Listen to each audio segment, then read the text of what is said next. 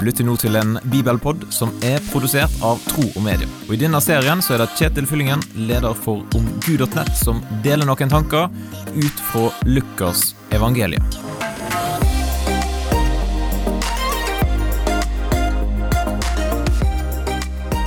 Det er litt slitsomt med mennesker som alltid skal påpeke feil som du gjør. Jeg vet ikke om du har opplevd eh, det noen gang. Det kan jo virke som om de bare står klar og gleder seg over muligheten til å trykke deg mest mulig ned. Hvis du har erfart dette, så kan du kanskje ha litt sympati med Jesus. Han hadde ofte en gjeng med folk rundt seg som observerte alt han og disiplene hans tok seg til, for å ferske de i et eller annet som brøt med deres tradisjoner.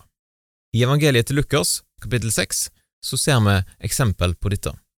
Ifra vers 1 til 5 står det en sabbat tok Jesus veien langs noen kornåkre. Disiplene plukket aks, gned dem ut i hendene og spiste. Da sa noen av fariseerne, Hvorfor gjør dere det som ikke er tillatt på sabbaten? Jesus svarte, Men har dere ikke lest hva David gjorde den gang han og mennene hans sultet?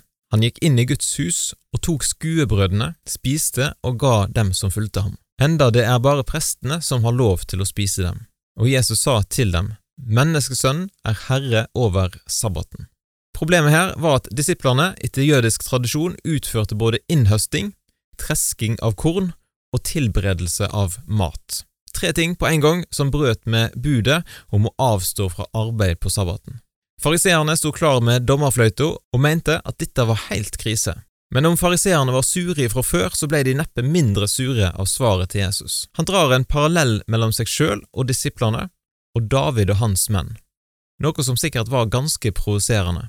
Og så topper han da med å si at han, menneskesønnen, er herre over sabbaten. Jesus begynte å lette på sløret og forklarte mer og mer om hvem han egentlig er. Noen de ble veldig sure når Jesus kom med sånne påstander om sin identitet, andre de bøyde seg ned og tilba. Hvordan er din respons på teksten her i Lukas kapittel 6? Du kan dele dine tanker med meg, du kan sende en e-post til kjetil.troogmedier.no, eller du kan søke meg opp i sosiale medier.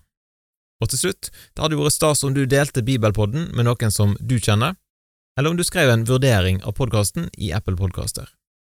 Da ønsker jeg deg en fin dag, og så poddes vi plutselig igjen. Takk for at du lytter gjennom denne bibelpodden. og Vil du gi en tilbakemelding på det som du hørte, eller vil du lære mer om kristen tro?